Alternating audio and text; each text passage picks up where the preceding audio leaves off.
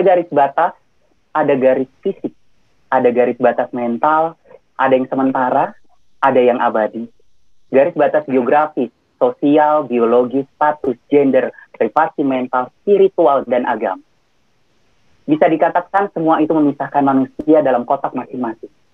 Garis batas mengurung, memasung, melindungi, dan mengukuhkan sebuah zona aman. Tempat individu merasakan kelegaan dan kenyamanan. Apakah batas-batas yang dalam peta dilambangkan dengan garis hitam yang memisahkan warna-warni sejumlah republik di Asia Tengah juga memisahkan manusia dalam zona dan dimensi berbeda.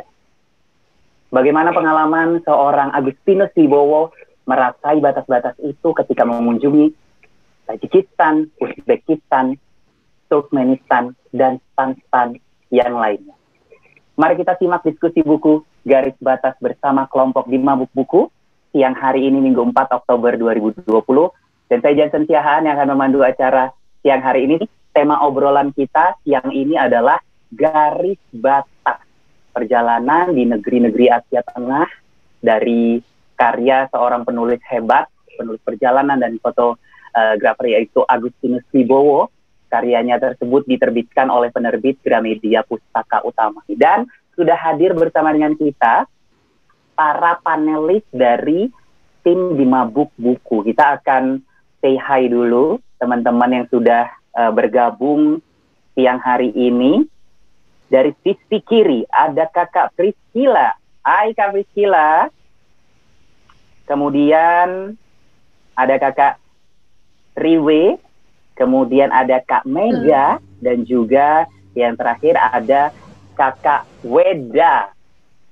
Halo. Sehat semua ya kakak-kakak panelis ya yang selalu kepo dengan karya-karya penulis. Sehat, sehat, sehat, sehat, sehat. Sehat ya. Jangan Amin ya. Juga ya. Sehat sehat banget dong, harus sehat dan bahagia plusnya ya. Mas Agus juga ya, sehat ya. Ya, Mas Agusnya belum datang, masih macet. Oh, udah ditayangin ya. Dan sudah bergabung bersama dengan kita juga Agustinus Wibowo.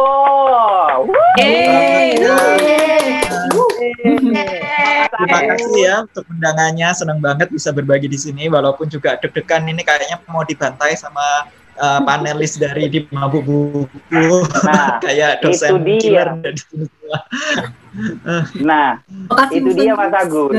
Yang ngeban yang ngebantai itu bukan saya. Kalau saya ini hanya boneka aja membacakan skrip, kemudian menuju ke segmen-segmennya.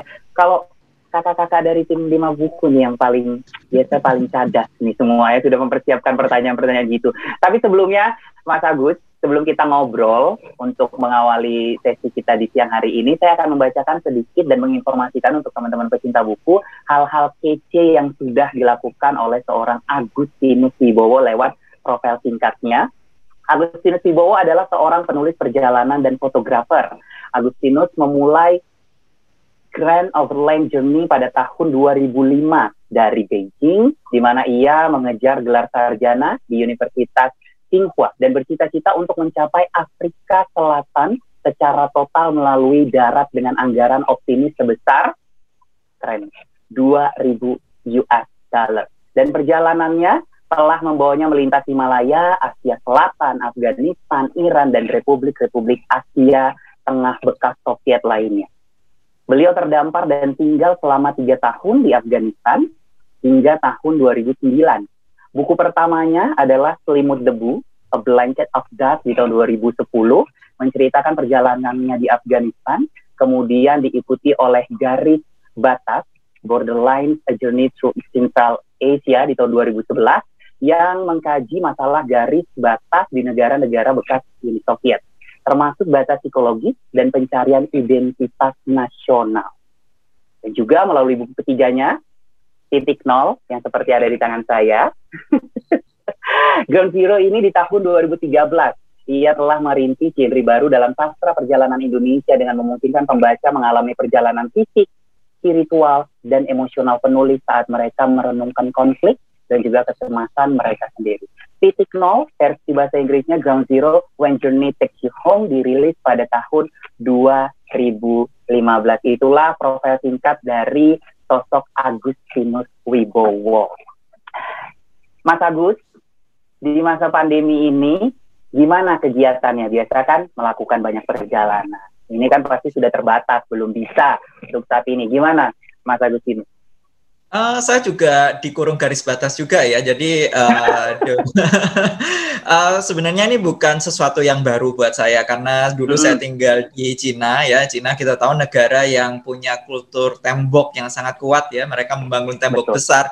Jadi ketika mereka menghadapi uh, epidemi yang pertama waktu itu SARS ya. SARS itu juga virus corona. Mereka juga mm -hmm. memakai uh, strategi di mana setiap orang dikurung oleh garis batas masing-masing yaitu misalnya kita tinggal di sekolah kita nggak bisa keluar dari tembok sekolah kita kita yang tinggal di kantor nggak bisa keluar dari lingkungan kantor dan sebagainya jadi benar-benar semua dikurung uh, sesuai dengan garis batas masing-masing dan ternyata uh, cara itu adalah cara yang cukup uh, efektif ya waktu itu untuk mengatasi uh, wabah SARS dan ketika ada pandemi ini mereka juga menggunakan strategi yang sama waktu di Wuhan dengan sistem lockdown. Jadi ketika pandemi ini juga nyampe di Indonesia saya merasa ya udah sebagai warga negara yang baik yang juga bertanggung jawab bukan cuma pada diri sendiri tapi juga pada masyarakat yang lebih luas, saya juga mengurung diri saya pada lingkungan garis batas saya. Wow, jadi ini bukan merupakan pengalaman pertama dikurung oleh garis batas dari seorang uh, Mas Agus karena pandemi ini ya. Tapi Mas Agus, yeah. kalau ngomongin uh, soal garis batas ini, boleh kasih sedikit informasi nggak sih mel uh, melalui uh, buku ini apa uh, cerita singkatnya? Jadi teman-teman mungkin ada yang hampir-hampir uh, lupa-lupa ingat atau yang baru uh, tahu hari ini garis batas gimana mas? Ya. Jadi pertanyaan tentang garis batas itu uh, sejak kecil sejak saya kecil itu selalu menjadi pertanyaan yang uh, apa ya yang sangat kuat dalam diri saya ya kenapa sih manusia harus dikotak-kotakan yang namanya negara kemudian kenapa kita berbeda-beda bangsa berbeda-beda warna kulit bahasa dan sebagainya uh, itu pertanyaan yang sebenarnya membuat saya kemudian melakukan perjalanan. Dan uh, pertanyaan itu semakin kuat ketika saya tinggal di Afghanistan uh, karena di Afghanistan uh, saya menyaksikan sendiri bagaimana orang bisa saling membenci satu sama lain karena perbedaan warna kulit, perbedaan bahasa, perbedaan etnik ya. Di Afghanistan itu kubu-kubu antar etnik masih uh, saling berkonflik satu sama lain. Nah, dan itu yang kemudian mendorong saya untuk uh, memahami apa sih yang menyebabkan uh, kita terkotak-kotak seperti itu. Jadi dari Afghanistan, um, Afghanistan itu perbatasannya dengan negara-negara uh, yang ada di utaranya itu dipisahkan oleh sungai yang namanya Sungai Amudarya dan saya sudah berapa kali uh, menyusuri sungai ini dari sisi Afghanistan maupun dari sisi utaranya di mana satu sungai yang lebarnya cuma 20 meter ya, uh, itu bisa memisahkan kehidupan di dua sisinya sejauh setidaknya 100 tahun. Yang di Afghanistan itu nggak ada listrik, kemudian jalannya uh, jalanan gunung yang kita harus naik turun keledai ya. Uh, jarak yang sama di sisi Afghanistan itu ditempuh dalam 2 sampai 3 hari sedangkan di sisi seberang sungai yaitu Tajikistan itu hanya dalam 2 sampai 3 jam. Uh, dan di Tajikistan sana ada uh, kelihatan sekali ada apa ada tiang listrik, ada uh, sekolah, ada perempuan bercelana jeans dan sebagainya. Kayaknya udah modern banget sedangkan di Afghanistan ini masih hidup dalam abad pertengahan gitu. Dan itu yang kemudian membuat saya uh, penasaran gimana sih kehidupan di seberang sungai sana gitu. Tajikistan itu kan dekat banget dari Afghanistan, kita bisa ngelihat dan setiap hari orang Afghanistan itu bisa ngelihat kehidupan yang ada di seberang sana, tapi mereka nggak bisa nyebrang dan mereka hanya membayangkan kehidupan yang ada di seberang sungai itu. Dan um, sebagai orang asing mungkin saya beruntung ya, saya masih bisa nyebrang sungai, saya pergi ke Tajikistan, kemudian saya juga pergi ke negara-negara Asia Tengah lainnya, Kirgistan, Kazakhstan, Uzbekistan, dan Turkmenistan, untuk memahami uh, apa sih sebenarnya garis batas? Karena menariknya lima negara yang ada di Asia Tengah ini walaupun namanya mungkin banyak yang cukup asing buat orang Indonesia ya, uh, tetapi sebenarnya maknanya itu sangat sederhana ya. Semuanya berakhiran stan. Uh, stan itu artinya negara atau tanah ya. Jadi kalau Tajikistan itu uh, negaranya orang Tajik gitu. Kirgistan itu negaranya bangsa Kirgis, Kazakhstan negaranya bangsa Kazakh dan sebagainya. Hmm. Nah, saya itu pengen tahu kenapa bisa negara tercipta uh, kenapa satu negara itu hanya untuk satu bangsa seperti itu dan bagaimana kehidupan mereka gitu. Dan uh, yang saya tahu negara-negara uh, ini semuanya diciptakan oleh Uni Soviet. Dulunya nggak ada, nggak ada hmm. namanya Uzbekistan dan sebagainya. Itu ciptaan tahun 1920-an sampai 1930-an. Tetapi setelah negara-negara ini merdeka pasca runtuhnya Uni Soviet tahun 1991, uh, semuanya menjadi negara-negara uh, yang utuh gitu jadi sesuatu yang semulanya diciptakan, yang artifisial, kemudian menjadi sesuatu yang utuh. Dan itu yang kemudian uh, membuat saya ingin tahu bagaimana sih proses dari sebuah bangsa dari mereka diciptakan hingga kemudian menjadi bangsa yang utuh ya, dan mereka bisa saling berkonflik satu sama lain demi membela identitas bangsa masing-masing dan itu pertanyaan wow. yang yang yang sangat yang terus bergema dalam diri saya gitu. Jadi itu hmm. tadi ya Mas ya, perjalanan yang uh, terekam langsung uh, dari Mas Agus uh, pada saat di sana itu yang diceritakan kembali di garis batas ini dan yang hari ini akan segera yeah. kita bahas.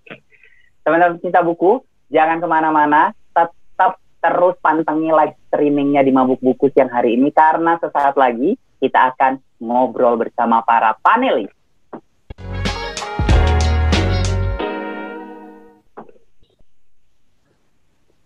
Nah, dari tadi ini para panelis kita sudah tergelitik sanubarinya untuk langsung bertanya, untuk langsung mungkin memberikan opininya, untuk terus uh, langsung memberikan peluru-peluru jitu mereka selama ini ke Mas Agus. Untuk itu kita akan segera menuju ke teman-teman panelis dari di Mabuk Buku. Yang pertama ini akan bertanya diberikan kesempatan untuk Kakak Riwe. Ini Kakak Riwe yang selalu riweh dengan pertanyaan-pertanyaannya siap bertanya dengan uh, Mas Agus siang hari ini. Silakan Kak Riwe. Waduh, jangan riweh ya, riwe aja. Oke, okay, Mas Agus. Uh, aku ada pertanyaan nih. Kan tadi sudah disebutkan juga oleh Mas Agus bahwa garis batas itu bermacam-macam. Tadi juga udah sempat disebutkan oleh Yansen juga ada garis batas yang abadi, ada garis batas yang sementara. Nah, setelah Mas Agus uh, men menjalani perjalanan, mengalami perjalanan di negara-negara stan-stan ini di Asia Tengah, apa sih garis batas yang paling uh, kentara gitu, yang paling tebal, yang paling uh, memisahkan mereka gitu, selain daripada garis batas geografi. Dan juga aku uh, ingin menyambungkan apakah uh, garis batas itu ada yang uh, abadi gitu karena menurutku tidak ada sesuatu yang abadi gitu semuanya hanya sementara gitu. Oke terima kasih. Um, garis batas yang yang memisahkan manusia itu sebenarnya banyak banget ya. Kalau dibilang yang mana yang paling uh, paling kuat mempengaruhi orang itu memang tergantung konteks. Uh, tapi kalau kita melihat konteks dari Asia Tengah secara umum, uh, memang garis batas bangsa itu yang paling menonjol sekarang karena eh, negara-negara uh, yang ada di situ semuanya diciptakan uh, melalui uh, gagasan tentang bangsa. Jadi pertama kali proses menciptakan negara-negara itu adalah uh, Uni Soviet waktu itu di bawah Stalin uh, dia me menggambar total ya peta dari Asia Tengah Uh, kemudian uh, menciptakan republik-republik itu uh, dari ketiadaan. Jadi semula itu tidak ada republik yang berdasarkan bangsa. Konsep tentang bangsa sendiri uh, nasionalisme itu adalah sesuatu yang baru dalam sejarah manusia. Itu ada uh, mulai bertumbuh di abad ke-18, kemudian berkembang di abad 19 dan menjadi kelaziman di dunia kita di abad 20. Jadi awal abad 20, uh, Uni Soviet baru mulai menggambar uh, negara-negara republik-republik di Asia Tengah dan itu final garis batasnya final pada tahun 1936. Dan setelah proses penggambaran itu dan atau dalam proses penggambaran itu Moskwa juga mengirimkan ahli-ahli etnografi untuk mendefinisikan eh, masing-masing uh, bangsa yang ada di situ. Apa sih kriterianya bangsa Uzbek, apa kriterianya bangsa Kirgis dan sebagainya.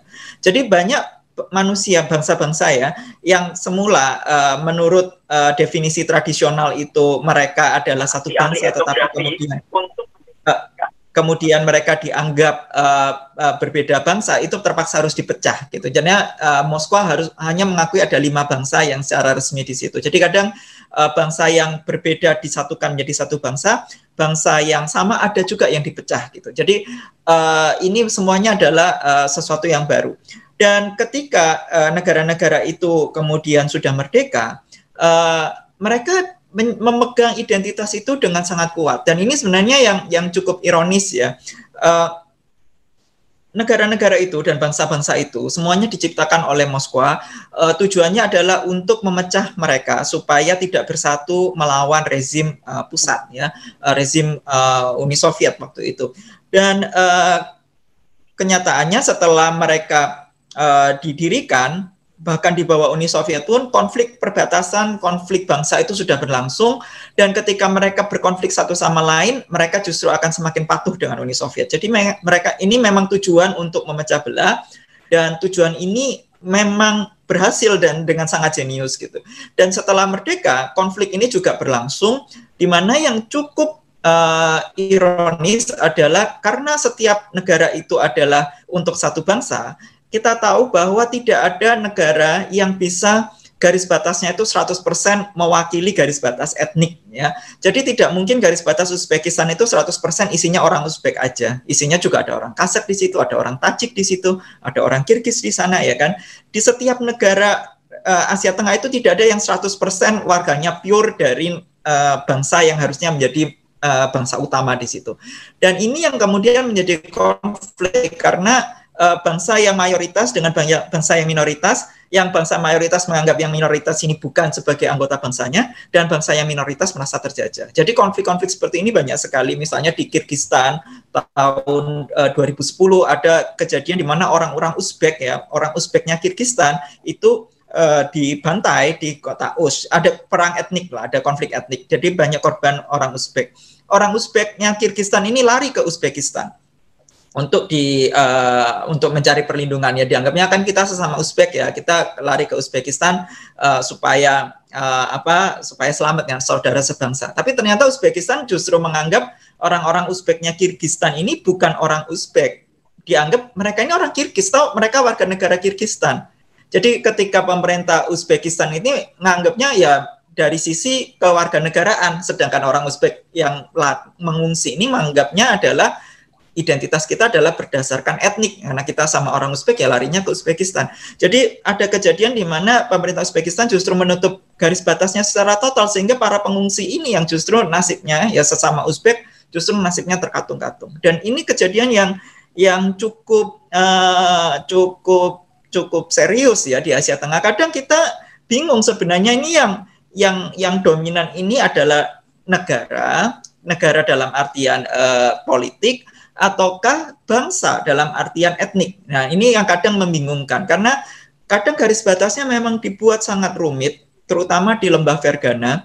Itu ada istilahnya garis batas yang berupa uh, enclave. Jadi enclave itu adalah wilayah satu negara yang terkurung dalam negara lain. Jadi ada enclave-nya. Enclave ini kadang ukurannya cuma satu desa. Jadi bayangkan satu desanya Uzbek, terletak di dalam Kirgistan. Jadi kalau dari Uzbekistan masuk ke desa ini sesama Uzbekistan, kita harus keluar dulu ke Uzbekistan, masuk ke Kirgistan, eh, keluar Kirgistan baru masuk Uzbekistan lagi. Jadi mereka itu kayak pulau yang terdampar. Dan kejadiannya ini ada misalnya pulaunya Uzbek ya, eh, wilayahnya Uzbek di dalam Kirgistan, tapi yang menghuni orang Tajik. Ya bingung kan kenapa kok jadi punyanya Uzbekistan tapi kenapa di dalam Kirgistan orangnya orang Tajik yang tinggal di situ, 95% orang Tajik. Dan karena daerah-daerah yang seperti ini, ini kan tidak tidak terjangkau. Jadi tentara Uzbek kan mau masuk ke situ nggak bisa. Tentara Uzbek kalau mau masuk ke sana kan dia harus masuk lewat Kirgistan. Kirgistan nggak ngasih jalan. Tentara Kirgistan juga nggak bisa masuk ke situ karena itu tanahnya Uzbekistan. Jadi tempat-tempat seperti ini menjadi tempat yang tidak terjangkau hukum dan tempat-tempat seperti ini menjadi juga orga, uh, apa sarang markas dari organisasi militan, gerakan-gerakan teroris dan sebagainya. Saya pernah masuk ke beberapa daerah yang seperti ini dan memang cukup menyeramkan gitu karena memang tidak bisa dijangkau hukum. Dan itu itu kalau kita ditanya mana garis batas yang dominan, sebenarnya yang di, di masalah di Asia Tengah itu banyak sekali isunya. Yang satu adalah tentang politik ya, tentang negara sebagai politik itu ada tentu adalah garis batas yang yang kita nggak mungkin menafikan itu garis batas yang paling menentukan kehidupan orang. Tapi juga ada garis batas etnik, garis batas bang, bangsa, garis batas bahasa, garis batas uh, agama ya et, uh, apa sektor-sektor agama yang ada di situ dan juga ada juga garis batas yang yang uh, ideologi misalnya karena ada ideologi-ideologi yang baru yang masuk dari luar. Jadi uh, ini semua merupakan unsur yang mempengaruhi uh, kehidupan di Asia Tengah sekarang. Kalau ditanya garis batas tidak ada yang abadi, iya memang semua itu berubah. Tetapi memang ada garis batas yang dalam konsepnya kita susah untuk mengubah. Misalnya garis batas gender. Saya untuk jadi dari laki-laki untuk menjadi perempuan kan susah gitu secara fisik mungkin tidak bisa atau tidak mudah untuk berubah untuk melintasi garis batas gender. Tetapi garis batas gender juga bisa berubah maknanya. Misalnya laki-laki di zaman sekarang dengan laki-laki di zaman 100 tahun yang lalu mungkin tidak sama maknanya. Kemudian ada garis batas yang yang kita kalau sudah melewati garis batas itu kita tidak akan bisa uh, membalikkan. Misalnya garis batas hidup dan mati. Ya kalau manusia yang hidup udah masuk ke, ke mati kan nggak mungkin hidup lagi gitu. Itu kan uh, dalam konteks itu garis batas itu secara secara logika dia abadi. Tetapi makna dari garis batas itu memang tidak ada yang abadi. Maknanya pasti akan terus berubah. Uh, kemudian yang uh, satu hal lagi yang saya ingin ungkit di sini adalah tentang garis batas negara. Kita memang sekarang hidup dalam konsep di mana garis batas negara itu bisa dianggap hampir abadi karena negara-negara sudah tidak bisa mengubah garis batasnya dengan bebas. Ini beda dengan zaman sebelum Perang Dunia II di mana sebuah negara bisa menjajah negara lain dan memasukkan wilayah negara lain dalam garis batasnya. Tetapi setelah Perang Dunia II, aturan yang berlaku dalam dunia kita sekarang, negara-negara tidak bisa dengan bebas lagi mengubah garis batasnya. Dan ini bisa dianggap banyak, kebanyakan ya hampir semua garis batas negara di dunia, mayoritas garis batasnya adalah abadi. Ini tidak bisa diubah-ubah lagi. Tetapi ini juga masih bisa berubah. Kadang garis batas yang ditentukan berdasarkan sungai, sungainya bisa berubah ya kan. Kadang garis batas yang uh, apa yang di tengah gunung itu juga setiap tahun apa setiap berapa tahun sekali tetap ada survei yang harus mengukur karena memang uh, garis batas itu uh, istilahnya di peta mungkin kelihatannya tidak berubah tapi di alam nyata kadang bisa bergeser juga. Ada yang sengaja digeser ada yang ada yang tidak diperhatikan sampai bergeser sendiri dan sebagainya. Jadi ya itu antara abadi dan tidak abadi bagaimana kita memahami uh, dan bagaimana kita mendefinisikan itu. Garis batas itu ya. Oke jadi itu paparan dari Mas Agus atas pertanyaan dari Kariwe tadi. Terima kasih ya Kariwe okay, atas pertanyaannya. Kita menuju ya. ke pertanyaan panelis di mabuk buku berikutnya. Ada Kak Priskila. Dosen killer silakan Kak Kila. Ya, ini menarik banget ya ceritanya maksudnya uh, karena kebetulan uh, di tempat saya berada saat ini juga adalah ex Republik Florin yang sudah uh, melebur dengan Italia tapi tetap saja gitu ada batas-batas terutama uh, batas sepak bola itu tidak bisa dilanggar. ya, betul. Nah, dari cerita uh, Mas Agus tadi kan ada cerita batas negara uh, Kazakhstan, kemudian ada bukit gitu. Uh, batas mana sih yang paling berkesan dari tadi yang sudah disebutkan atau mungkin masih ada cerita batas lainnya yang belum sempat diceritakan dan itu yang berkesan menarik. Uh, jadi saya beberapa kali ya pergi ke Asia Tengah ya. Jadi buku uh, garis batas itu kan ditulis dari perjalanan tahun 2006 2007, tapi tahun 2015 saya sempat lagi ke Asia Tengah dan uh, melakukan riset garis batas di situ uh, untuk uh, majalah Chinese National Geography. Jadi ada uh, sempat yang satu garis batas yang cukup menarik itu di Tajikistan. Jadi antara dua kota Tajikistan waktu itu saya uh, pergi di utara Tajikistan di dekat kota Khojan ke uh, kota Isfara. Uh, itu dua-duanya kotanya Tajikistan. Uh, tapi jalannya itu yang uh, ada sebagian jalan itu di sebelah kanan jalan. Itu jalan jalan raya biasa jalan gede banget gitu ya. Jalan yang ramai banget dilewati banyak mobil karena itu jalan antar kota yang penting. Tetapi yang di sebelah utara jalan itu adalah wilayahnya Tajikistan. Di selatan jalan itu adalah wilayahnya Kirgistan gitu. Di peta nggak kelihatan. Di peta itu kalau kita lihat peta itu semuanya wilayahnya Tajikistan. Tetapi di alam nyata ya ini kadang ini yang aneh sekali. Saya bahkan kalau lihat peta loh petanya ini kan ini jalannya benar-benar di wilayahnya nah Tajikistan nggak ada problem di situ. Tapi di alam nyata itu beneran di sebelah utara jalan itu Tajikistan, di selatan jalan Kirgistan. Jadi nyebrang jalan itu beda zona waktunya udah beda satu jam. Jadi kita nyebrang itu udah nyocokin arloji lagi gitu. Terus uh, seberang jalan itu mata uangnya udah lain, orang-orangnya udah lain kan. Orang uh, Kirgis kan lebih uh, asiatik ya, lebih mongoloid gitu. Dan kemudian itu satu jalan itu jalan yang sama itu selama ada 200 meter itu utara sama uh, selatannya jalan, kiri kanannya jalan sama-sama Kirgistan. Jadi jalannya Tajikistan istilahnya masuk ke dalam wilayah Kirgistan selama 200 meter. Jadi nyebrang sana sini pun adalah orang Kirgis. Tapi setelah 200 meter masuk lagi ke Tajikistan. Itu jadi ruwet sekali. Kemudian ada lagi jalanan yang uh, persimpangan ya, yang utara selatan itu Tajikistan, yang timur barat Kirgistan. Jadi kita mau keluar negeri ya berhenti aja di per, per, uh, per, perempatan itu dan kemudian belok itu udah kita keluar negeri gitu. Jadi itu uh, konsep garis batas yang yang sangat rumit gitu. Dan uh, di dalam buku garis batas saya menceritakan ada garis batas yang yang cukup menarik yaitu antara Kirgistan dan Uzbekistan. Itu sebenarnya tidak jauh dari lokasi yang tempatnya saya ceritakan ini. Karena ini lembah Fergana memang penuh garis batas yang aneh-aneh. Uh, di dalam buku itu saya menceritakan tentang uh, gang yang lebarnya cuma 4 meter ya. Kemudian kita bisa keluar negeri uh, bolak-balik nggak nggak masalah gitu. Uh, gang kecil garis batasnya di tengah gang. Dan uh, saya kebetulan yang waktu itu tinggal di rumah orang Uzbek tapi di sisi Kirgistan. Jadi listriknya uh, dalam satu ruangan itu ada yang pakai listrik dari Uzbek, ada yang pakai satu listrik dari Kirgis gitu. Jadi kan tidak pernah mengalami uh, mati lampu total karena selalu ada yang nyala gitu. Dan uh, itu kayaknya wah garis batas yang sangat bersahabat gitu. Uh, tapi tahun 2015 saya kembali ke sana, garis batas itu sudah nggak ada. Uh, itu rumah-rumah yang ada di sisi Uzbekistan sudah dirobohkan. Ini berhubungan dengan kasus yang tadi saya ceritakan ketika orang-orang Uzbek mau mengungsi ke Uzbekistan, Uzbek langsung menutup garis batasnya dan kemudian mereka menyadari ternyata garis batasnya sangat bocor. Jadi setelah kejadian itu, garis batas yang bocor-bocor itu semua dipagar.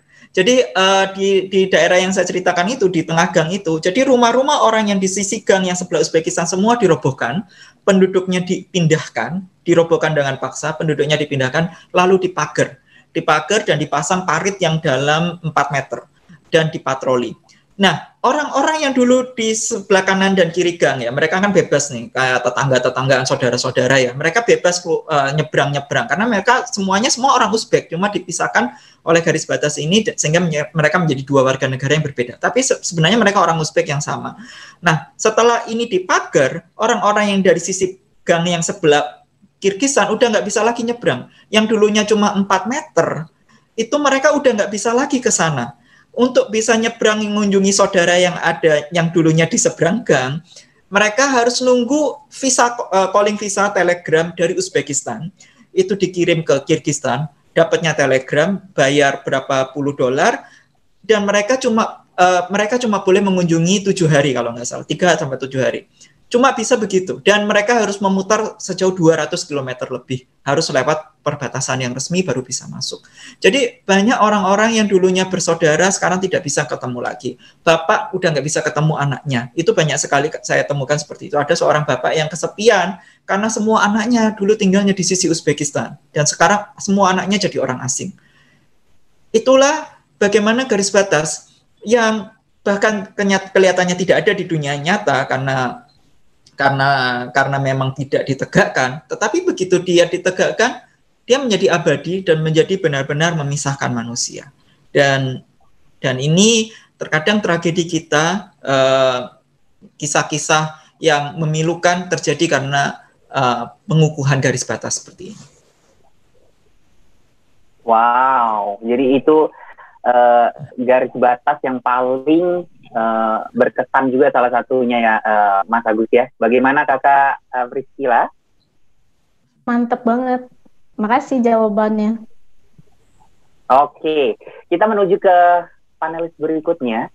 Ini hadir sepertinya dari Jawa Barat ya kalau dari namanya ya. Mega Francisca tanpa mendung ya. Kak Mega silahkan. Hai Jensen, terima kasih. Halo Mas Agus. Aku mau nanya nih tadi udah menarik banget yang dijelaskan kayak ada di uh, satu negara berbagai macam etnis yang tercampur di sana dan akhirnya mereka melupakan ini sebenarnya mereka uh, bangsa itu berdasarkan negara atau berdasarkan etnis. Uh, Lalu ada nasionalisas nasionalismenya nggak sih Mas Agus di uh, negara-negara tas stan-stan ini? Aku sempat baca juga sih bukunya Mas Agus yang ini yang garis batas yang di Kazakhstan. Kayak ada satu orang namanya Kolya, lalu dia kayak kehilangan identitas dirinya karena dia sebenarnya bukan orang uh, sana orang Afghanistan tapi tinggal uh, lahir di Kazakhstan. Lalu namanya juga bukan nama nama Afghanistan tapi nama orang Rusia jadi kayak kehilangan identitas itu loh.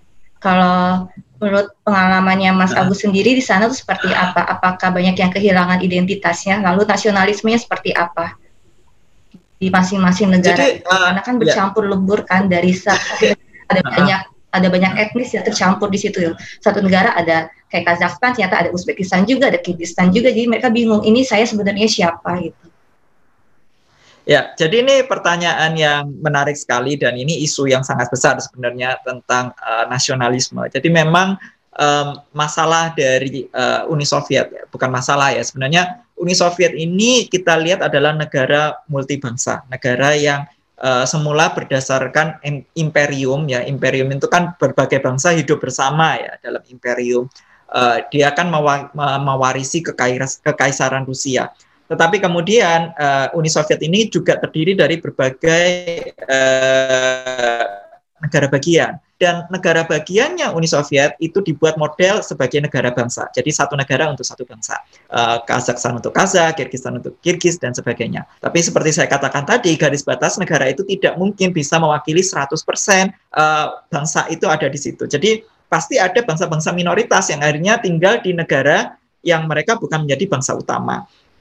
Jadi dan ini misalnya contohnya bangsa Uzbek itu bangsa Uzbek merupakan bangsa minoritas terbesar ya di semua negara uh, Asia Tengah lainnya selain Uzbekistan. Jadi di Kyrgyzstan itu uh, etnik minoritas yang paling gede orang Uzbek, di Tajikistan juga orang Uzbek, di Kazakhstan juga orang Uzbek dan dan sebagainya. Jadi uh, ini kemudian menimbulkan masalah gitu. Apakah orang-orang yang non uh, etnik uh, utama apakah mereka dianggap sebagai bangsa? Dan uh, ada kasus-kasus di mana uh, terjadi pelarian besar-besaran dan ini terjadi utamanya oleh orang Rusia.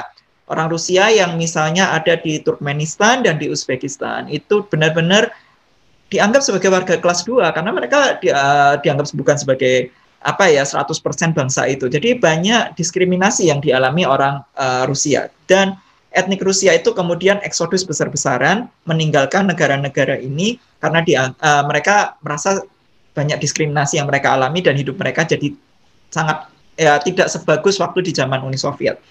Nah, isu ini yang sebenarnya sangat uh, signifikan buat Kazakhstan ya. Kazakhstan kita tahu uh, jumlah etnik Rusia itu cukup besar di Kazakhstan dan di Kazakhstan itu orang Kazakh semula itu ya kira-kira 50% atau bahkan kurang dari 50% pada saat negara itu merdeka. Jadi termasuk etnik minoritas yang cukup minim.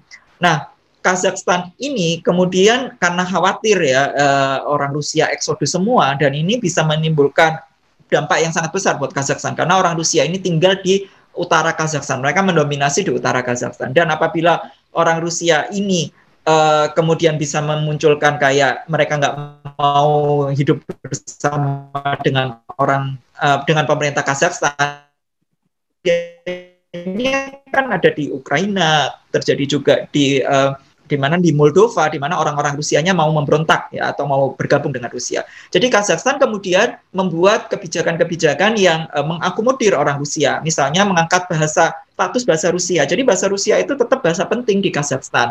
Itu termasuk caranya. Kemudian Kazakhstan juga memindahkan ibu kotanya dari yang semula Almaty. Almaty itu jauh di selatan ya, di jantung uh, apa di daerah yang banyak dihuni orang Kazakh ya, di daerah selatan ke tengah ke tengah wilayah Kazakh yaitu di Astana. Astana sekarang udah ganti nama jadi Nur Sultan.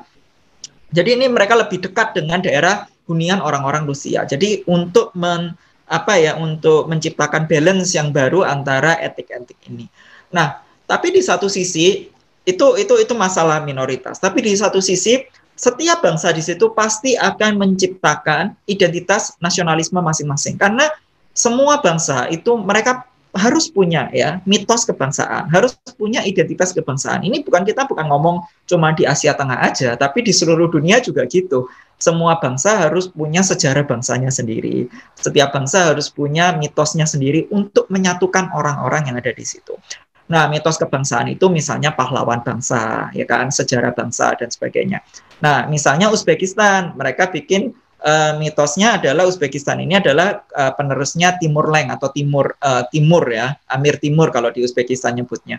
Nah, uh, Timur ini disajikan pahlawan, walaupun kalau kita lihat sejarahnya Timur juga bukan orang pure, bukan orang etnik Uzbek seperti aslinya gitu, karena istilah Uzbek sendiri bukan dari timur ya orang-orang yang menggunakan istilah Uzbek pertama kali justru musuhnya timur. Nah ini yang yang yang menarik uh, misalnya begitu. Kemudian Kazak juga begitu. Kazak juga menciptakan uh, uh, identitas nasionalisme sendiri, mengglorifikasi sejarah masa lalu mereka. Semuanya begitu dan itu semua yang yang saya kira masuk akal yang banyak dilakukan oleh banyak negara walaupun kadang tidak sesuai dengan fakta sejarah yang sesungguhnya. Tapi yang namanya mitos kebangsaan itu perlu uh, kita kita harus tahu bahwa tidak semua apa ya tidak semua hal itu harus sesuai dengan fakta sejarah yang asli gitu ya. Bangsa kita juga punya mitos kok ya. Orang Indonesia juga percaya oh kita dulunya adalah pewaris Majapahit atau Sriwijaya. Padahal kalau kita melihat wilayahnya Sriwijaya sama wilayahnya Majapahit itu bukan wilayah Indonesia sekarang gitu loh. Tapi kita percaya dengan mitos itu menganggap bahwa orang Indonesia yang berbagai beragam etnik ini adalah keturunan dari Majapahit yang sama. Padahal bukan begitu. Secara sejarah bukan begitu. Dan ini juga terjadi di Asia Tengah. Jadi setiap negara kemudian menciptakan mitosnya. Misalnya di eh, di Kazakhstan misalnya yang mereka angkat adalah uh, manusia emas atau Altan Adam. Ini adalah uh, sosok uh, manusia pur manusia yang sudah apa ya mumi yang sudah 3000 tahun usianya uh, yang berselimutkan pakaian yang penuh dengan emas gitu. Itu kemudian diglorifikasi. Oh ini nenek moyang kami bangsa nomad gitu. Padahal manusia emas dengan orang Kazakh sekarang beda sekali, beda ras, beda etnik dan sebagainya. Tapi mereka percaya oh ini leluhur kita gitu. Atau uh, Kirgistan kemudian mengangkat Manas. Uh, Turkmenistan juga begitu mengangkat pahlawan-pahlawan Turkmen. Jadi semua bangsa pasti menciptakan itu dan itu adalah bagian penting dari nasionalisme.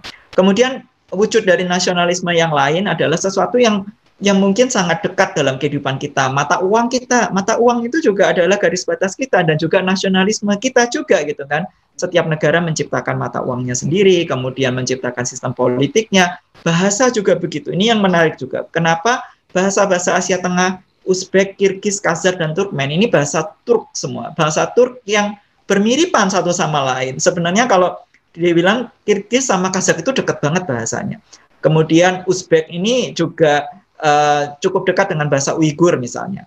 Uh, jadi ketika bangsa-bangsa ini yang sesama bahasa Turk ya, uh, mereka mengubah uh, ejaannya ya banyak bangsa misalnya uh, Uzbek, Turkmen itu mereka dan Kazakh sekarang itu mereka tidak mau lagi pakai huruf bahasa Rusia, mereka menggunakan huruf Latin. Tetapi ketika mereka mengubah menjadi huruf Latin, mereka nggak mau pakai huruf yang sama. Mereka buat huruf-huruf alfabet-alfabet sendiri supaya beda. Ini loh bahasa bahasaku, ini bukan bahasamu. Itu ya mirip juga sama Indonesia sama Malaysia.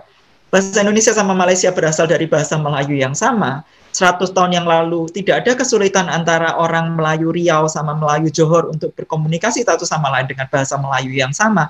Tetapi setelah negara ini merdeka, Indonesia uh, perkembangan bahasa Indonesianya sendiri, Malaysia perkembangan bahasa Malaysianya sendiri. Sekarang kalau buku dari Indonesia mau masuk Malaysia harus diterjemahkan dulu, ya kan Mbak Beda yang jualan buku ke Malaysia dulu harus diubah sesuai supaya orang Malaysia bisa baca. Demikian juga orang Malaysia membaca buku kita. Karena apa? Karena setelah uh, menjadi negara yang berbeda, masing-masing menonjolkan ini loh kebanggaanku dan untuk kebanggaan itu kita harus berbeda. Itu sebabnya bahasa yang sama pun ketika sudah dibelah garis batas negara akan menjadi bahasa yang berbeda juga. Lama-lama wow. akan menjadi berbeda sama sekali.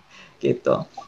Wow, ini obrolan semakin menarik, semakin hangat.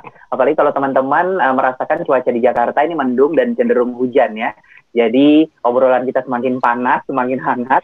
Jadi teman-teman, uh, kita akan lanjutkan obrolan ini. Tapi sebelumnya sebenarnya kita hanya memiliki waktu satu jam. Tapi sepertinya kalau satu jam ini nggak nggak nggak akan kelar obrolan garis batas ini karena dua panelis masih terus uh, menantikan untuk mereka bertanya langsung bersama Mas Agus dan juga kita nanti ada sesi teman-teman pecinta buku yang memberikan pertanyaan lewat kanal YouTube. Jadi di komen uh, YouTube nanti kita juga akan bacakan pertanyaan teman-teman. Tapi untuk itu kita akan menambahkan extra time. Jadi ini baru uh, baru kali ini harusnya satu jam kita tambah jadi satu hari ini sepertinya ya. Untuk itu sekali lagi teman-teman tetap streaming, live streaming di kanal YouTube di Mabuk Buku dan bisa komen untuk Anda memberikan pertanyaan langsung ke Mas Agustinus Ibowo dan juga teman-teman uh, jangan lupa sekali lagi untuk abadikan momen live streaming ini kemudian di screenshot kemudian di-upload di sosial media teman-teman pecinta buku baik Twitter ataupun Instagram dan jangan lupa bubuhkan hashtag di mabuk buku Agustinus Wibowo. Jadi hashtagnya di mabuk buku Agustinus Wibowo. Pokoknya mabuk banget hari ini kita bersama Mas Agus uh, membahas garis batas.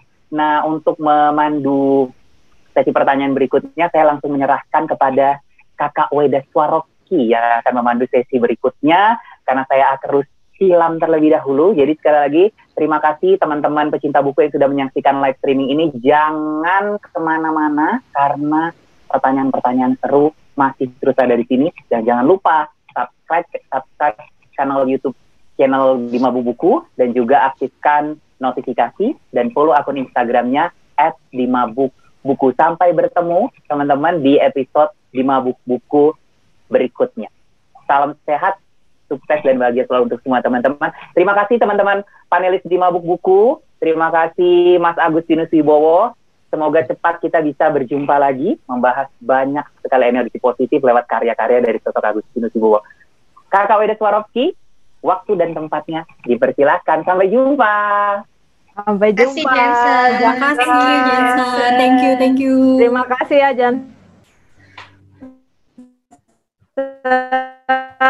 Oke, teman-teman yang sudah pada mabuk dan acara selanjutnya. Terima kasih untuk Jansen yang sudah membuka acara dan bergabung dengan kita dari jam satu tadi. Oke, kita lanjut aja pertanyaannya. Kebetulan saya yang mau bertanya, jadi saya meneruskan saya juga yang bertanya. Oke ya, Mas Agus. Kita lanjutkan dari obrolan tadi kan menarik banget ya nasionalisme lalu batas-batas itu memisahkan para etnis-etnis ini padahal mereka harusnya satu grup tapi sudah dipecah-pecah. Nah, sebenarnya menurut Mas Agus itu jika dunia itu tanpa batas, apakah itu dunia yang ideal? Itu Mas. ini uh, kayak lagunya ini ya apa uh, The Beatles itu ya membayangkan gimana sih uh, dunia kalau nggak ada negara gitu kan nggak ada agama supaya yeah. kita nggak terkotak-kotak gitu yeah, iya, um, begini uh, kenapa kita perlu batas gitu kenapa kita uh, membutuhkan yang namanya identitas gitu. Kita harus tahu bagaimana konsep garis batas itu bermula.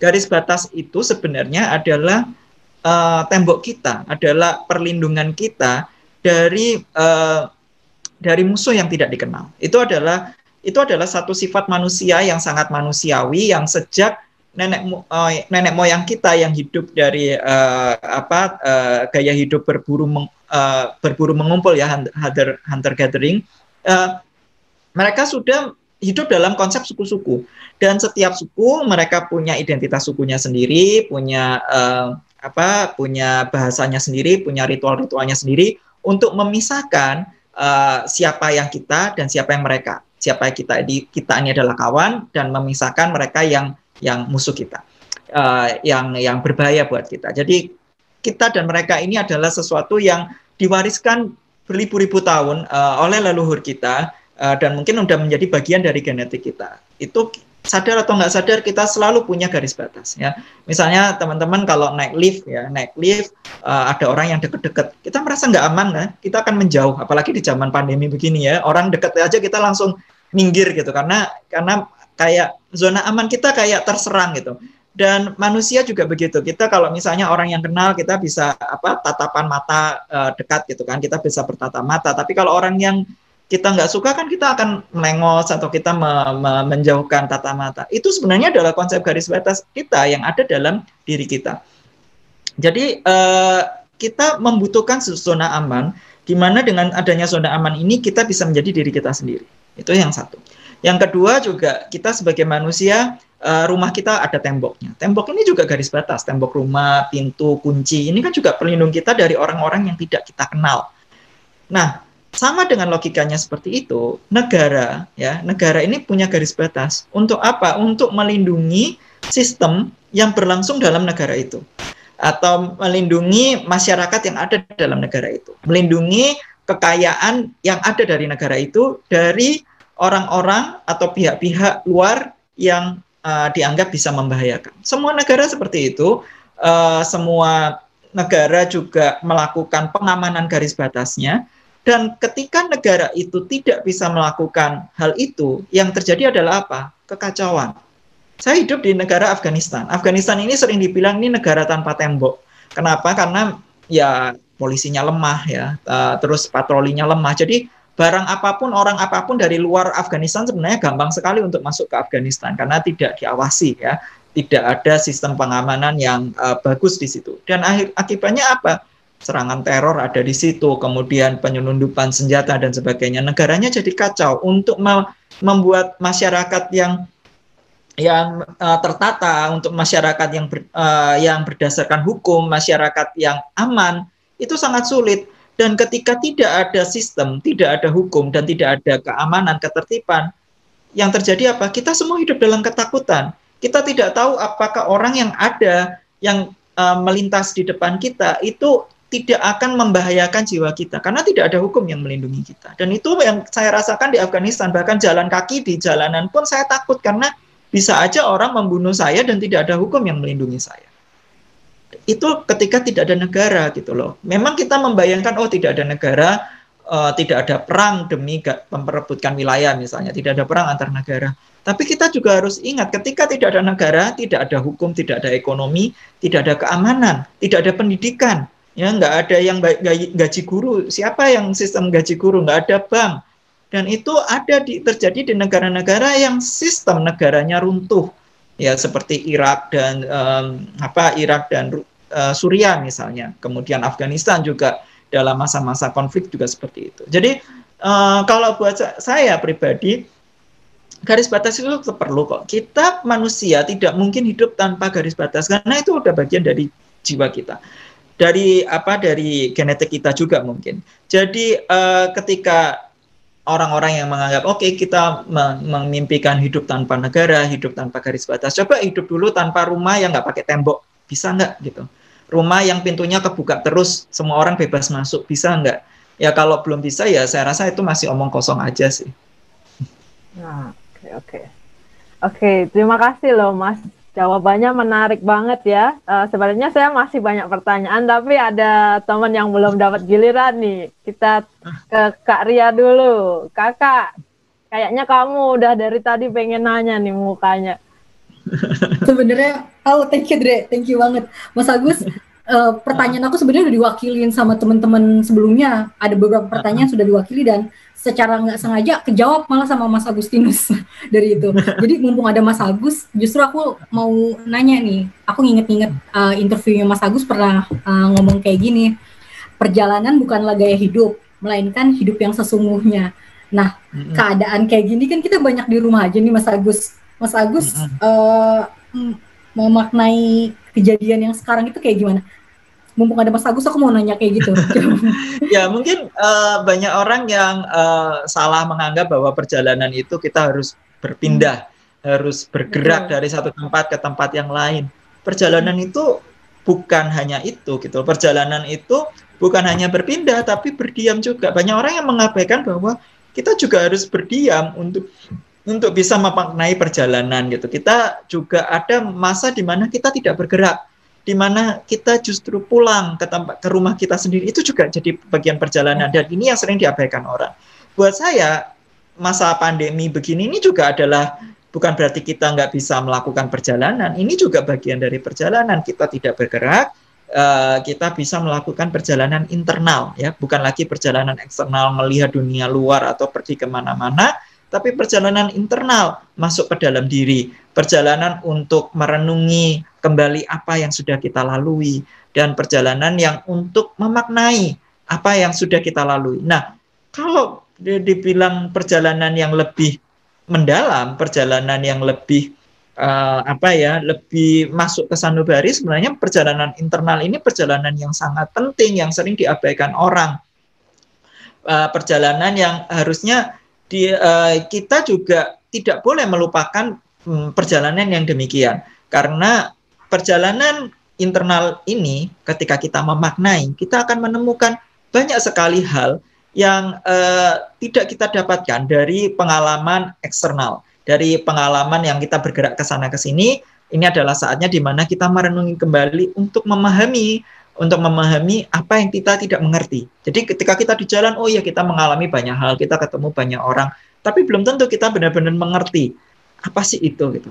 Saya juga sebenarnya bersyukur dengan adanya um, kesempatan ya. Saya sendiri karena full time writer, saya bebas mengatur waktu saya.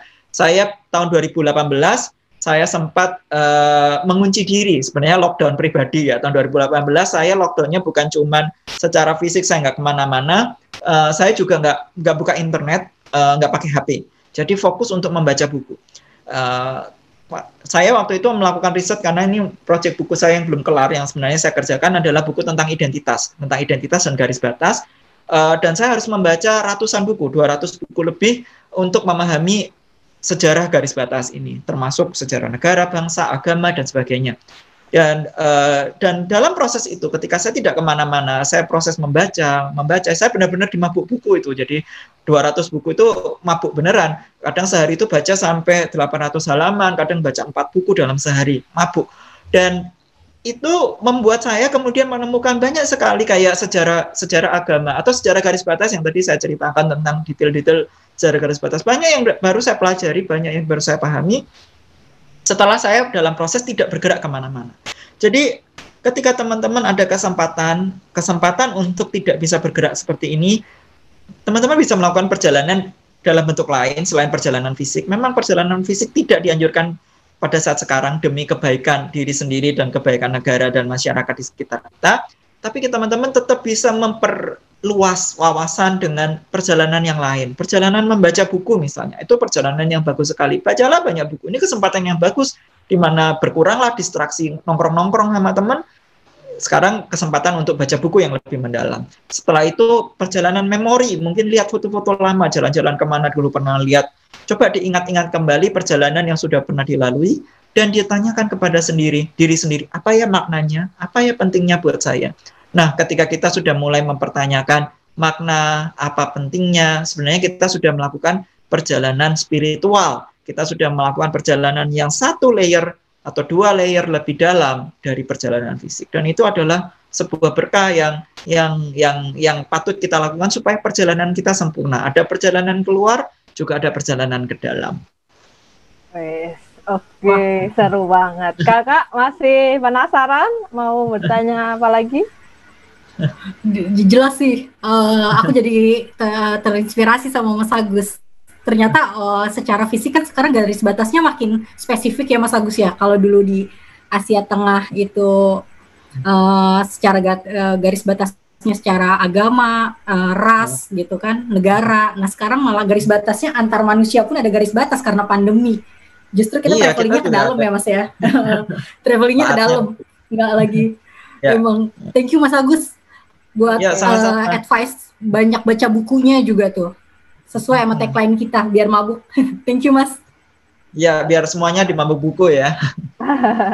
Oke, terima kasih Kakak. Wah, bisa semalaman nih kita bahas bukunya kalau kalau nggak kita kasih waktu. Oke ya, uh, jadi Mas Agus masih ada beberapa pertanyaan dari teman-teman di YouTube, hmm. YouTube channel kita. Sebelum kita masuk ke menjawab pertanyaan itu, kita uh, break dulu beberapa detik.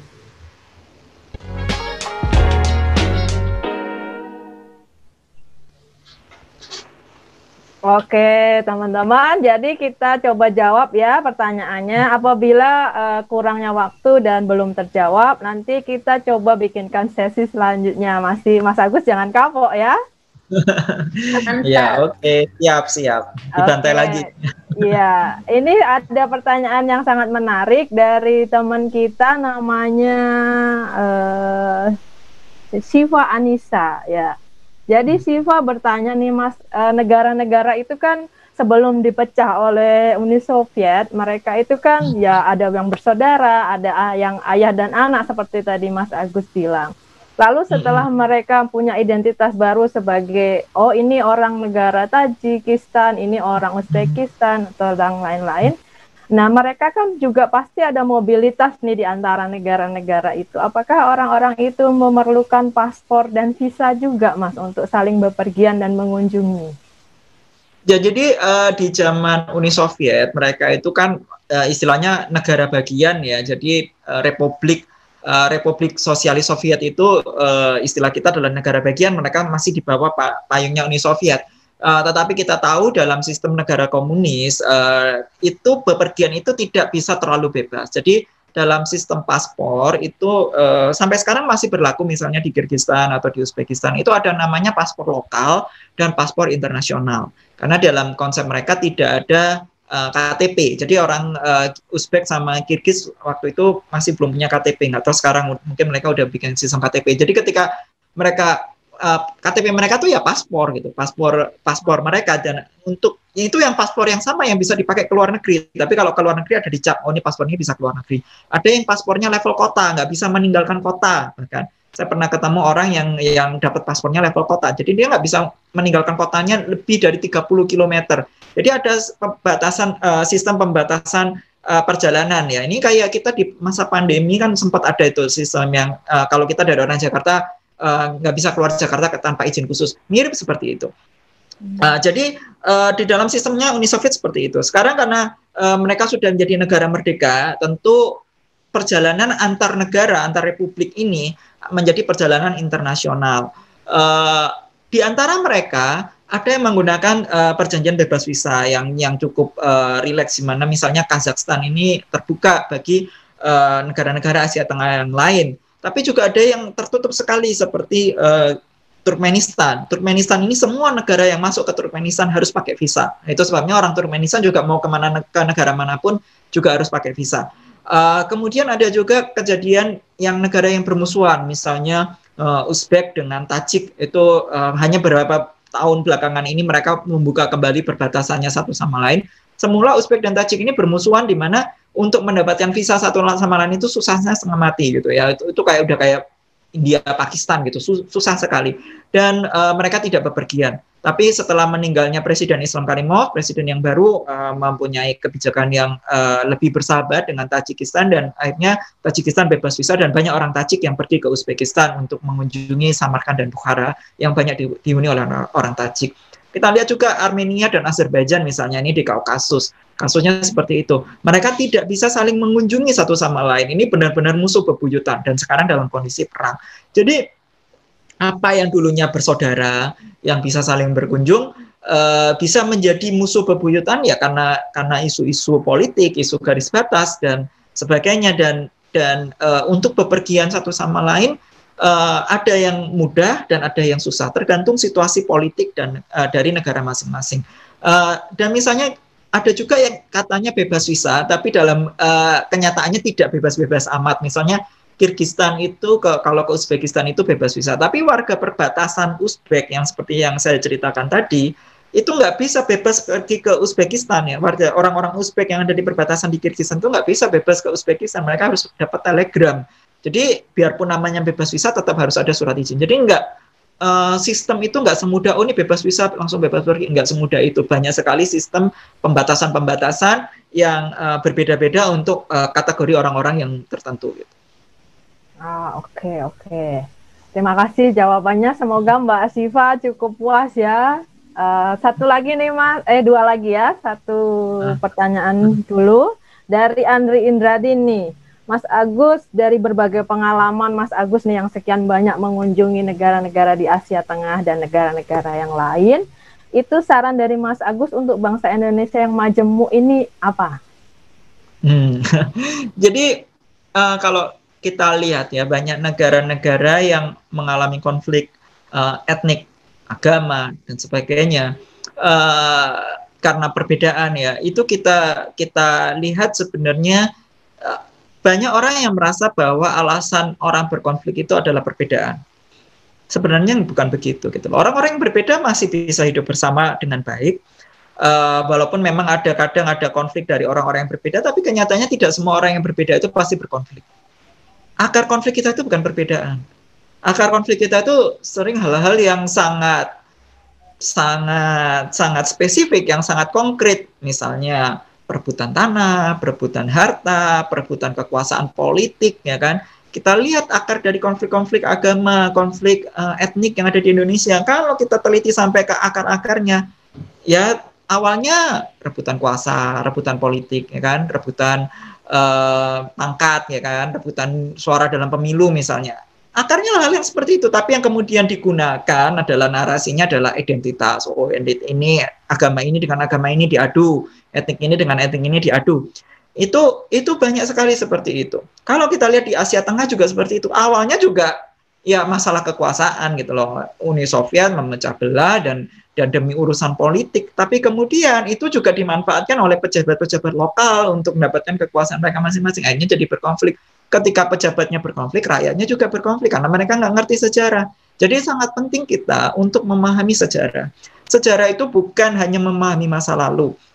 Ketika kita belajar dari masa lalu, kita melihat pola-pola konflik kita, ya konflik identitas, konflik antar etnik, antar agama yang banyak terjadi di Indonesia ataupun di negara-negara lain, polanya itu selalu sama kok polanya juga seperti itu dan dan itu dimainkan terus gitu loh. Ketika kita udah tahu polanya, kita kita nggak gampang keseret dalam isu-isu seperti ini. Nah, masalahnya di Indonesia ataupun di banyak negara eh, konflik-konflik ini kan dibuat kayak ya udah tidak terselesaikan atau kan ataukah dilupakan atau orang-orangnya juga nggak peduli untuk belajar sejarahnya.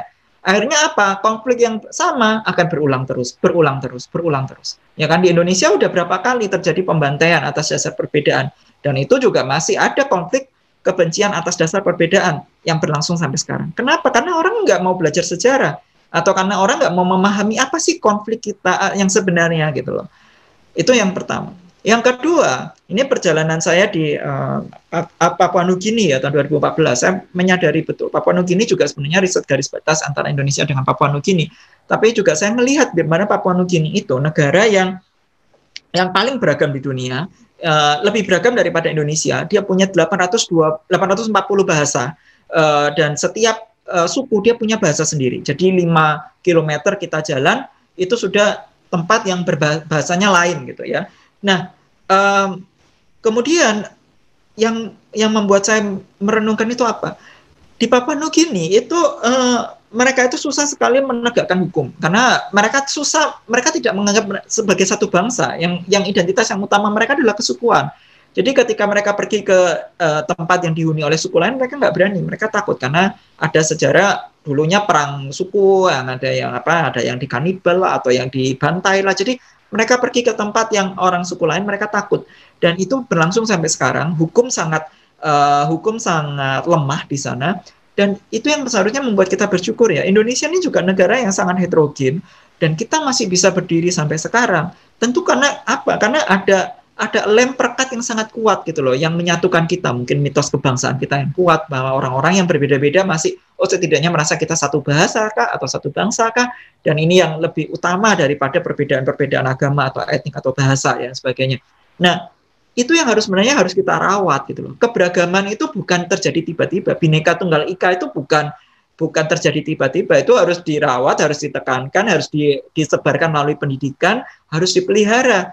Dan itu yang harus kita kita nggak cukup hanya berbangga, oh kita beragam, tapi kita nggak mau merawat ya. Akhirnya kita akan sama, kita akan pecah terpecah belah. Kita harus memelihara ini. Keberagaman ini adalah sesuatu yang harus kita rawat dan kita pelihara. Oke, Menarik sekali ya uh, itu untuk refleksi kita orang Indonesia. Ini masih nyambung nih ada pertanyaan hmm. berikutnya dari Risa Nandriani Mas Agus. Nah, hmm. ini menyangkut uh, Mas Agus sendiri nih ya pribadi.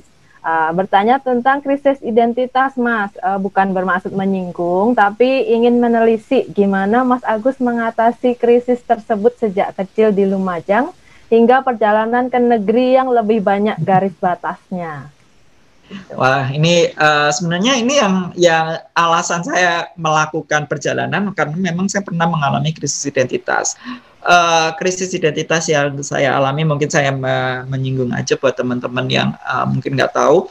Uh, saya dibesarkan pada masa Orde Baru uh, dan di zaman itu diskriminasi terhadap uh, minoritas Tionghoa di Indonesia sangat kentara di mana orang Cina tidak boleh belajar bahasa Cina, tidak boleh punya nama Cina, tidak boleh ngomong bahasa Cina di depan umum misalnya ya, uh, tidak boleh menganut agama tradisional Cina gitu. Jadi banyak uh, identitas yang ditekan di situ. Dan uh, saya juga merasakan bagaimana ketika saya jalan keluar uh, saya sering dibully karena penampilan fisik saya, karena mata saya atau warna kulit saya.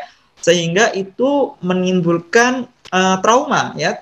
Tentu saja ada trauma di mana saya takut keluar rumah sendiri, uh, takut dibully teman-teman yang di jalan yang nggak kenal ya orang-orang yang berbeda etnik. Rasa ketakutan itu membuat saya tidak berani uh, melakukan perjalanan sendiri. Tapi di, uh, buat saya rasa ketakutan itu juga menimbulkan uh, krisis ya, di mana saya jadi bingung sebenarnya saya ini orang Indonesia atau orang Cina sih gitu. Kalau orang Indonesia kok setiap hari saya harus diingetin bahwa saya orang Cina gitu.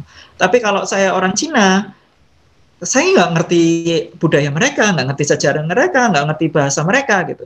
Dan uh, kebetulan saya sekolah di sekolah negeri, jadi waktu itu mayoritas teman-teman saya adalah teman-teman uh, uh, orang Jawa. Jadi saya lebih merasa saya Jawa gitu. Saya saya sehari-hari ngomongnya bahasa Jawa dan dan identitas saya yang paling kuat waktu itu sebenarnya adalah Jawa dan uh, dan dan itu buat saya apa ya keindonesiaan saya sangat tinggi waktu itu. Tapi titik balik yang kemudian mengubah itu adalah kejadian tahun 98 di mana kerusuhan uh, anti Tionghoa yang yang cukup menonjol ya di berbagai penjuru Indonesia sebenarnya mulai tahun 97 mulai dari berbagai tempat di Indonesia di mana orang-orang Tionghoa diserang ya.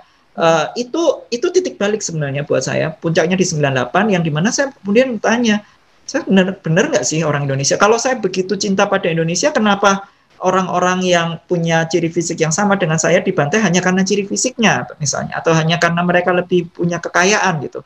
Itu kemudian menjadikan uh, konflik batin yang sangat besar. Saya kemudian pergi ke Cina, pergi ke Cina uh, yang semula saya kira adalah pulang ke tanah leluhur. Tapi begitu nyampe ke Cina, saya juga merasa no no no no no no, I don't belong to here gitu. Aku bukan bagian orang Cina. Aku nggak bisa terima kebiasaan mereka meludah di jalanan misalnya, atau uh, ngelihat cara mereka kalau ngomong kok teriak-teriak gitu. Aku nggak nggak nggak suka begitu. Atau cara mereka kayak mereka nggak pernah tersenyum kan, wajahnya tegang terus serius terus. Cara hidup mereka, cara pandang mereka, uh, konsep agama mereka semuanya berbeda dengan diriku gitu. Jadi uh, itu kemudian membuat saya merasa no, I don't belong to here gitu. Kalau saya bukan menjadi bagian dari Indonesia dan saya bukan bagian dari Cina, lalu apa uh, identitas saya? Dan dan karena itulah itu yang kemudian mendorong saya untuk melakukan perjalanan melintasi negara-negara. Yang pertama, saya ingin memahami apa sih sebenarnya identitas itu. Apa sih yang yang yang saya ini belong belong ke mana gitu loh saya ini menjadi bagian dari mana? Itu itu yang yang pertama saya ingin cari. Yang kedua saya ingin cari apa sih makna menjadi bangsa? Dan uh, proses perjalanan itu di mana saya kemudian melihat bagaimana bangsa-bangsa tercipta ya negara-negara Asia Tengah. Ini saya belajar sejarah penciptaan bangsa-bangsa sebenarnya. Uh, kemudian bagaimana bangsa-bangsa yang berbeda bisa saling berkonflik satu sama lain. Saya kemudian memahami apa itu bangsa bagaimana uh, apa bangsa tercipta dan bagaimana bangsa menimbulkan konflik antar manusia dan setelah saya memahami itu semua, saya akhirnya bisa berdamai dengan identitas-identitas yang ada dalam diri saya. Dan ketika saya merasa berdamai ini kehidupan saya jadi jauh lebih tenang. Saya jadi merasa bahwa sebenarnya kita tidak perlu memilih. Kita tidak perlu memilih satu dari dua. Kita bangsa identitas itu bukan bukan black and white, bukan kalau kita putih lalu nggak boleh hitam. Identitas itu kita itu bukan cuma satu, kita punya banyak sekali identitas dan kita nggak harus memilih satu dan menolak yang lain. Kita bisa merangkul semua identitas itu untuk menjadi bagian dari diri kita, gitu loh. Saya bisa merangkul kecinan saya, keindonesian saya, membuat saya menjadi unik dan membuat saya menjadi penuh warna. Demikian juga dengan orang Jawa di Suriname misalnya. Mereka orang Suriname juga, tapi juga orang yang tidak melupakan kejawaan mereka dan mereka menjadi spesial karena mereka punya punya identitas Jawa Orang Jawa Suriname yang ada di Belanda, mereka sekaligus orang Belanda, orang Jawa, dan orang Suriname. Dan mereka bisa bangga dengan begitu banyak warna. Dan sungguh se sekarang saya justru bangga sebagai diaspora karena saya punya banyak warna dan dan warna-warna inilah yang membuat saya unik dan saya berbeda dan saya bisa menjadi diri saya sendiri. Gitu. Oke, menarik ya. Jadi teman-teman yang selama ini mungkin masih mengalami hal-hal yang berkaitan dengan krisis identitas, bisa dicontoh nih Mas Agus ya. Ternyata uh, kita bisa memandang diri kita dari sisi yang lain bahwa kita sebetulnya unik kok, uh, bukannya malah aneh atau tidak normal karena pasti ya. semua orang punya sudut pandang yang berbeda-beda ya Mas.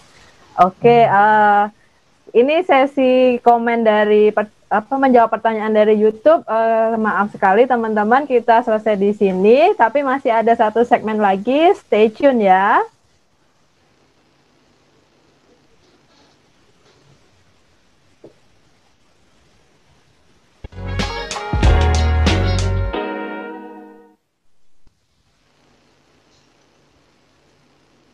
Oke, segmen terakhir nih Mas Agus. Uh, dari hmm. teman-teman yang komen di YouTube juga tadi udah banyak yang bertanya mengenai uh, proyek terbaru Mas Agus atau buku yang lagi mau ditulis nih kira-kira udah pada nggak sabar. Mau kasih okay. sedikit bocoran nggak? Uh, ini saya baru terima daminya. ini yang mau terbit dalam dalam waktu sangat dekat sih mungkin uh, minggu eh minggu bulan ini atau bulan depan uh, jalan panjang untuk pulang kelihatan nggak ini? Oh, ya. wow. Ini masih Dami mungkin uh, ini mungkin covernya masih mungkin berubah. Uh, ini yang akan terbit dalam waktu dekat. Ini sebenarnya kumpulan tulisan persinggahan itu tulisan-tulisan esai saya dari uh, berbagai penjuru dunia uh, ada dari Cina, ada dari uh, Bukhara. Waktu saya tahun 2017 saya balik lagi ke Uzbekistan untuk uh, belajar tentang kehidupan orang Yahudi di Bukhara misalnya. Kemudian juga dari Kashmir yang yang uh, mau merdeka, apa ada gerakan kemerdekaan di situ gitu ya. Jadi um, ini kumpulan dari berbagai penjuru dunia, ada Indonesia juga dan sebagainya.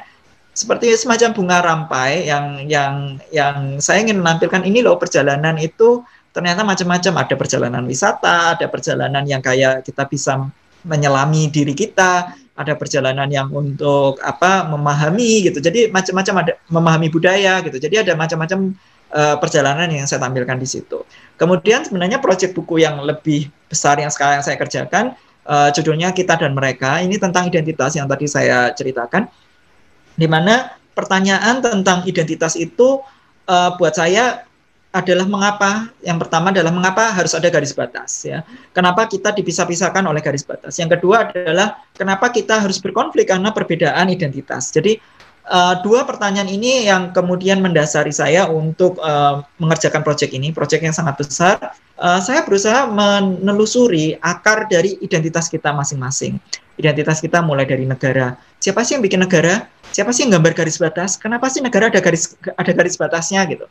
Uh, saya benar-benar menelusuri sejarah dunia, sejarah dari manusia sejak zaman purba sampai zaman modern, bagaimana garis batas itu tercipta. Kemudian bagaimana negara tercipta, bagaimana bangsa tercipta, agama. Jadi saya benar-benar menelusurin uh, agama mulai dari agama yang tradisi, agama yang mulai dari agama yang paling sederhana, yang paling awal, paling tua, sampai ke agama-agama besar zaman sekarang, sampai agama yang uh, bisa menjadi politik agama misalnya sampai sekarang. Jadi ini semua topik besar yang saya angkat mulai dari negara, bangsa, ras, warna kulit, ideologi, agama, uh, sampai ke diaspora, identitas orang-orang dari negara-negara yang heterogen, bagaimana kita memahami, dan kemudian kita kembali ke diri kita. Kenapa kita punya identitas? Mengapa manusia punya identitas? Dari mana asal? Kenapa? Dari mana asalnya manusia menciptakan identitas misalnya?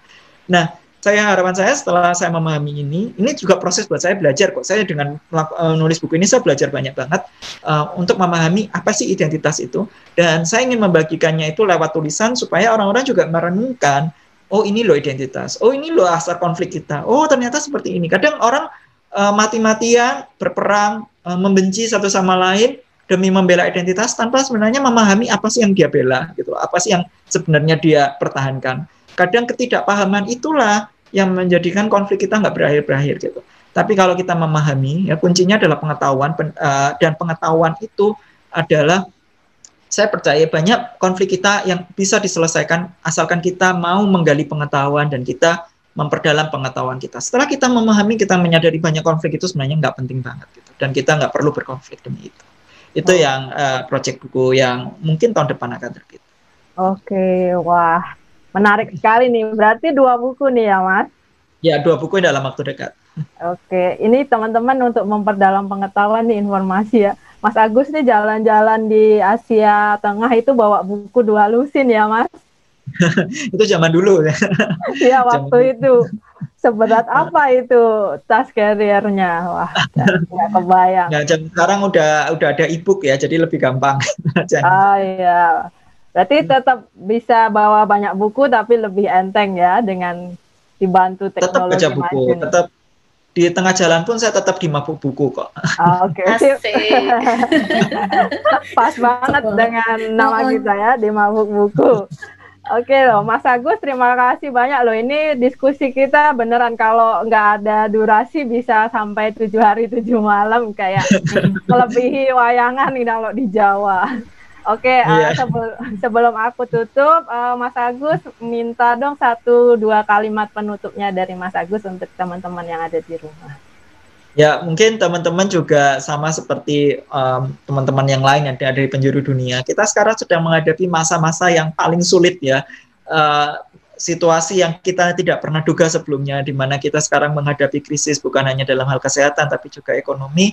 Uh, banyak ya mungkin masa depan kita juga kita penuh ketidakpastian.